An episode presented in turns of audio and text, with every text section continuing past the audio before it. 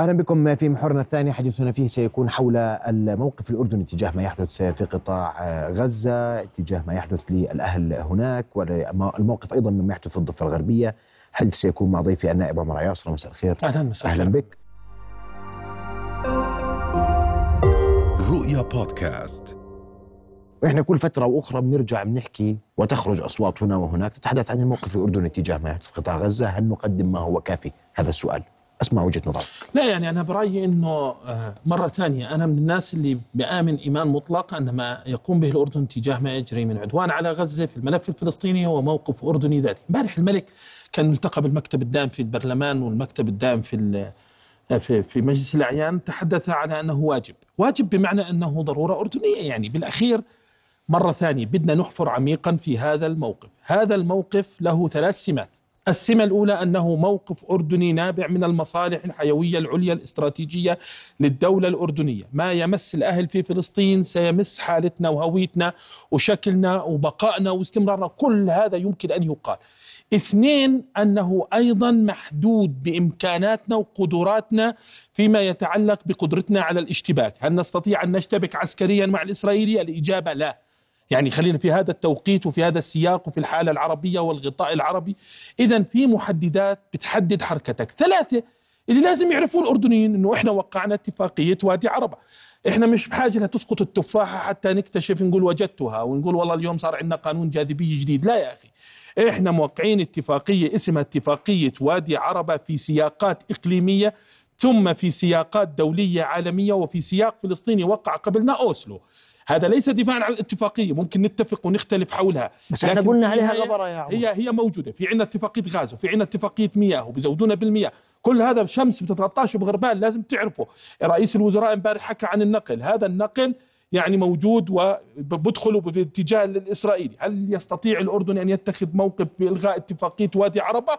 نختلف لكنه ما بيقدر في سياقات دولية الآن موجودة لا ما بيستطيع. اثنين عمقنا وحليفنا الاستراتيجي الرئيسي المتمثل بالخليج في السعودية والإمارات دشنوا قبل هذه الأزمة اللي هي اتفاقات معينة وكانت السعودية بدها تروح باتجاه التطبيع وأعتقد إنه بعد الأزمة سيحدث هناك تطبيع وشكل من أشكال العلاقات. فهذه محددات الأردني لازم يفهمها هسه. بآمن فيها بآمنش فيها كفر بها رفضها. الشارع كان ضد هذه الاتفاقية مش ضد هذه الاتفاقية. هذه محددات الحركة في الدولة الأردنية. المحدد الأول مصالحنا الحيوية وبالتالي بنقوم بدورنا بشكل من الأشكال وبتقدير خطابنا وأدائنا الدبلوماسي وجهود الدولة ممثلة بكافة أشكالها آه، ضغطنا على المصالح والعلاقات موقفنا أمام الأمريكان. كل هذا دشن موقف أمريكي رضيت عنه الجماهير في, في, في, في لحظة من اللحظات. هسه نيجي نتيجة مثلا موقف معين نسقط كل هذا ونلغيه أو نعهره تحت عنوان خضار وغيره. مدان كل هذا. التاجر اللي بيتاجر مع الإسرائيلي دينه اليوم. حملة المقاطعة. ابن صغير قاعد بحاكم التاجر وبحاكمني وبحاكم كل واحد بيشتري. ابن صغير اللي هو يعني في الصف التاسع اليوم بحاكمنا على قصة المقاطعة. لكن اليوم نعهر هذا الموقف ونسقطه ونحطه في إطار الاتهام. نتيجة بعض السلوكيات اللي ممكن تكون من بعض التجار. حط الأردن في سياقه الصحيح. سياق قوته سياق إمكاناته سياق علاقاته سياق مصالحه. ثم الضرر الواقع عليه مما يجري في فلسطين بأي حال من الأحوال. وزن موقفه بطريقة صحيحة. بدنا شوي نسيس عقولنا. إذا ظلينا اليوم نأخذ بقصة العواطف معناته لازم نسكر الجسر ونعلن الحرب. وهل هذا بمكنة الأردن؟ الأردن اليوم لو أعلن نهاية الاتفاقية مع الإسرائيلي والحرب على الإسرائيلي بكرة صار في صفقة مع بين الفلسطيني والإسرائيلي وهي قاعدة بتنضج. وصار في مسار سياسي دولي جديد. هل سنستطيع أن نعود أن نلج فيه إذا بكرة قعدت حماس في إطارها السياسي مرة أخرى ذهبت إلى الحضن الفلسطيني وصارت مصالحة وصارت جزء من العملية السياسية سواء بتفاوض مباشر أو غير مباشر. الأردن بده كل مصالح يحطها بسلة المهملات. يعني بدنا نفهم العلاقة بشكل كامل كل إسرائيل وجودها إحنا غير قابلينه. وأعتقد وجداننا وجدان الحاكم والمحكوم بهذا الاتجاه. لكن بدنا نسيق العلاقة. الأردن ما يجري في غزة يضر بنا. الآن إيدينا على قلبنا من رفح. إنه يصير تهجير. إيدينا على قلبنا من أي عملية امبارح العملية اللي صارت بجنين بطوباس. أنا متأكد إنه كل من هو راسم لسياسة وصانع القرار في الدولة الأردنية ارتبك وفكر وقلق من ذلك الأمر لسببين. أشقاء نعم لكن السبب الأهم إنه ممكن هذا ينتج حالة انفجارية في الضفة الغربية وشمشونية وبالتالي تأثر علينا وعلى شكلنا وهويتنا وعلى وضعنا وقدرتنا على احتمال هذا المشهد. فبالتالي الملف أردني بيصدر عن نية صادقة. الآن في علاقات شبكة علاقات بال 95 أنا مسؤول عن اللي صار بال 95 هي موقعة اتفاقية وادي عربة في سياق سياسي.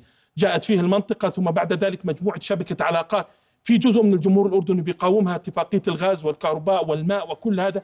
شبكة اليوم بيجي بيعتصم قدام السفارة الإسرائيلية وأيضا الأردن بنتيجة هذه العلاقات بيكون بيمنعك توصل السفارة نتيجة هي سياقات دبلوماسية وسياقات دولية. يا أخي نفهم هذا الأمر نتسيس شوية قبل ما نقول بتعهير الموقف الأردني نتيجة موقف بهذا الشكل. ممكن كلنا نرفضه إنه يكون في خضار تصل الكيان الإسرائيلي أو تاجر يطبع أو غيره من الأمور لكن نفهم هذه السياقات حتى بالاخير ما نقدرش نوقفها هسا أنا برأيي إنه كلفة الكلفة اللي بتحسبها الدولة والجهاز التنفيذي في قصة العلاقة مع الإسرائيلي هو نوع من في تجميد في العلاقة مع الإسرائيلي في هجوم دبلوماسي وسياسي من قبلنا عليه.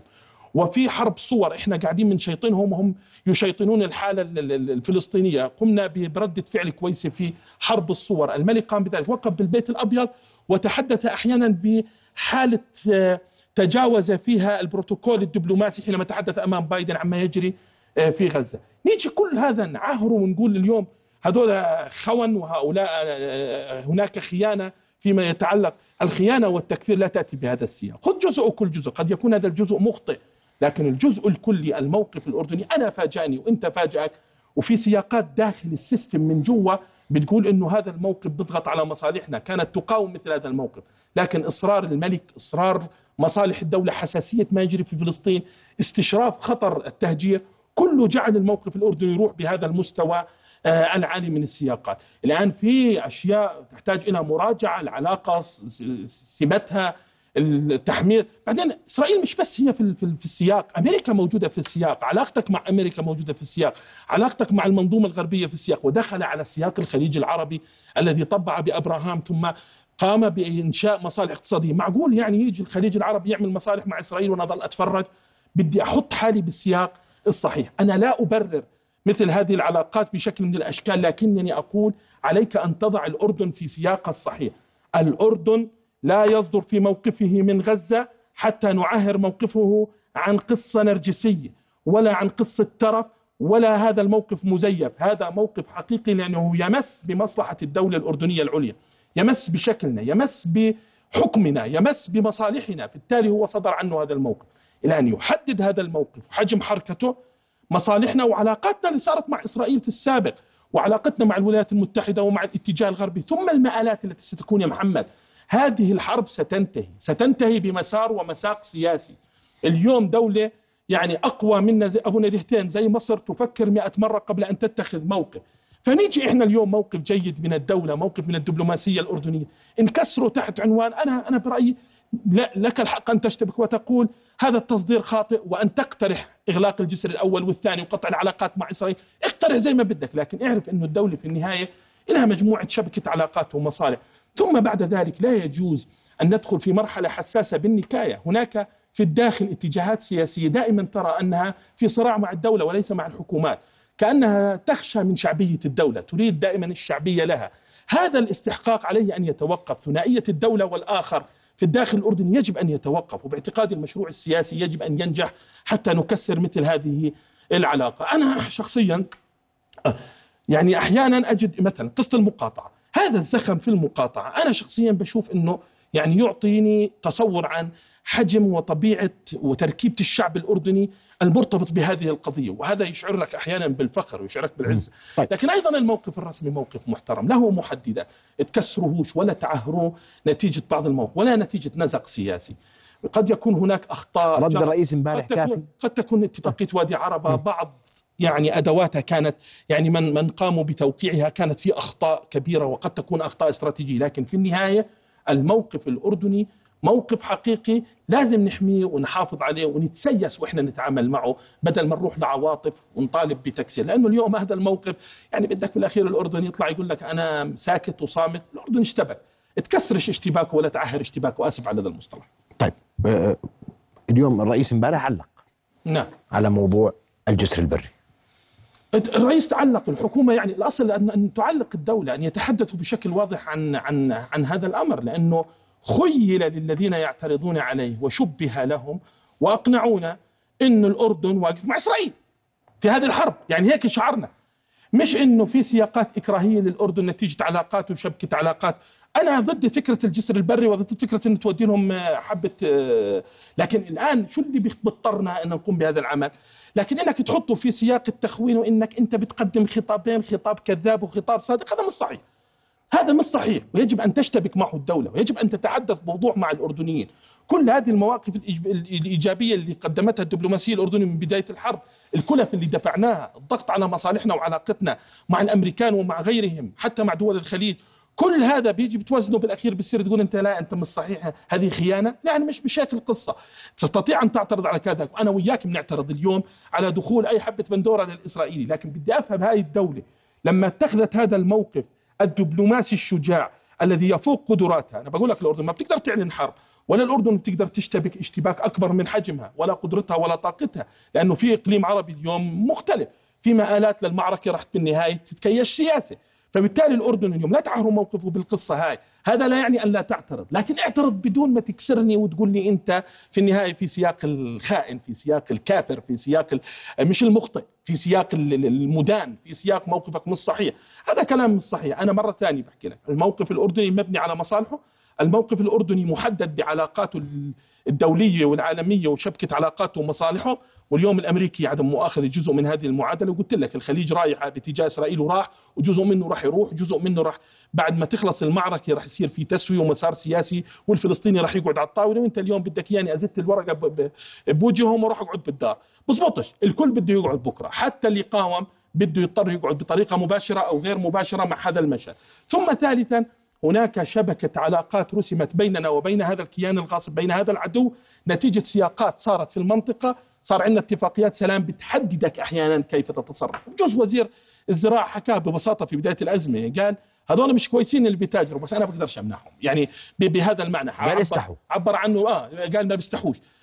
وزير خرج حتى عن اللباقة في قصة إنه يحترم العلاقات الدولية وممكن هاي لها كلفة أحيانا في في السياقات. لكن يفهم اليوم أن الأردن يدفع ثمنا كبيرا نتيجة كل ذلك. وأنا مرة ثانية بأكد هناك أخطاء في شبكة علاقتنا مع الإسرائيلي لكنها أصبحت قدرية بعد أن وقعنا هذه الاتفاقية نتيجة قدريتها نتيجة انهيار المنظومة العربية نتيجة الخلاف الفلسطيني اللي كسرنا أيضا. يعني اليوم الشقاق الفلسطيني وانقسامه. اليوم انت بتترجى بكل المحافل الدبلوماسية انها ترجع غزة للوطن الفلسطيني. بقول لك لا بديش بدي هذا غزة وطن والضفه وطن آخر. لذلك الأردن بيشتغل على هذه المسارات. كفى تكسيرا بهذه الصورة. أنا برأيي نريد تفهم تفهم لسياقات الأردن وقدرته وقدرته على الحركة. والآن احكي بالسياسة بلغة سياسية. لا تصل إلى التخوين لا تصل إلى أنه كل هذا الموقف كاذب وغير صحيح و ويعني هذا اللي أنا حاب احكيه اليوم يعني. هناك محددات لحركه الموقف الأردني، هل قصرت الدولة الأردنية في توضيح نفسها؟ أنا ضد فكرة توضيح نفسي في السياق الفلسطيني، لكن في هذا السياق على الدولة أن توضح نفسها، على الدولة إنها يعني اليوم أحكيها بصراحة لما صاروا يقولوا حولوا الاتفاقية إلى مجلس النواب وحولناها للجنة القانونية. سئلت أنا قلت لهم يا أخوان لا بمكنه مجلس النواب ولا بمكنه الدولة. في هذه السياقات إنها تمزق اتفاقية وادي عربة. بإمكانها أن تلوح بها أن تشعر أن الضجيج وصل إلى هذه الاتفاقية. لكن السياق الإقليمي وسياق العلاقات بيسمحش الان بيطلع لي واحد من المعارضة ما يخونيش بس. يقول لا بسمح إن نتراجع عن اتفاقية بحترم رأيه. لكن أنا بقول لك تقديرات الدولة من الداخل الدولة بيكون مكوناتها من يصنع القرار في الدولة من يفهم شبكة علاقاتها ومصالحها في, في, في الإقليم وفي العالم. بيقول لك صعب نتراجع عن هذه الاتفاقية. في هذا التوقيت نعرفش السياقات وين رايحة. لذلك في لحظة قالوا أو حكت رئيس الحكومة وأشار إليه الملك أن التهجير يعني إعلان حرب. يعني التهجير يعني العودة إلى مرحلة لا سلم ولا حرب بمعنى أن إلى ما قبل اتفاقية وادي عربة. كل هذا مطروح. لكن اليوم تيجي أنت كمان أنت هذا شو بدي أحكي لك شغلة. في شيء اسمه مفهوم بالتربية مفهوم التعزيز. الدولة حينما تقوم بكل هذه المواقف الدبلوماسية وتشتبك وتروح على المحافل الدولية وتقوم تتحدث عن إسرائيل وبتتحدث عن إسرائيل القلعة وبتتحدث عن إسرائيل آه، حرب الإبادة وتتحدث بمواقف دبلوماسية وبتتحرك بكل العالم عشان تقنع العالم بما يجري بأنه إبادة. تيجي أنت تكسره عند محطة أنت فاهم إنها شبكة علاقات فرضت علينا في لحظة وفي سياقات تاريخية كانت في التسعينات. طيب أنا بدي أسألك الأمور وين رايحة؟ يشوف الأمور. لأنه شكلها مطولة. ما إيه، إيه، بنعرفش أنا شخصيا بقول دائما أنا لا زلت أنا و و ومن كان يراهن على حال بدك تقول لي شو بنقدر نقدم؟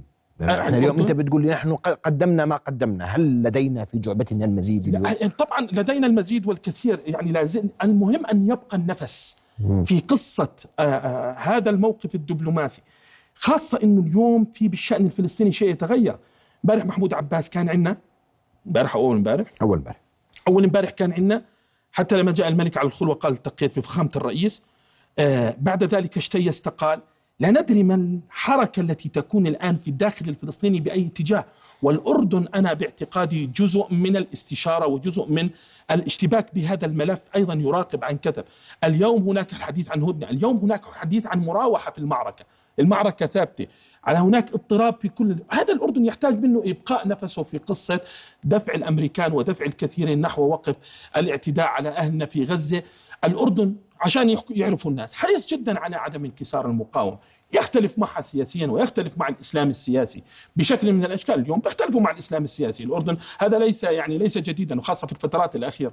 لكن اليوم حريص على بقاء لأنه يشعر أن هذه المقاومة جزء من القوة الفلسطينية. والقوة الفلسطينية معني فيها الأردن. قد لا يريد فائضا في هذه القوة فيما يتعلق بتأثيرها أحيانا على الداخل الأردني لكنه يريدها قوية. تقف على قدميها تفاوض الإسرائيلي والأمريكي من منطق قوة. هاي مصلحة أردنية مش ترف يعني مش إحنا قاعدين بقشعر بدن صانع القرار الأردني لأنه في فلسطين في قتل. نعم هناك قشعريرة نتيجة هذه الأخوة لكن الموقف يصدر لأنه في ضرر علينا واقع.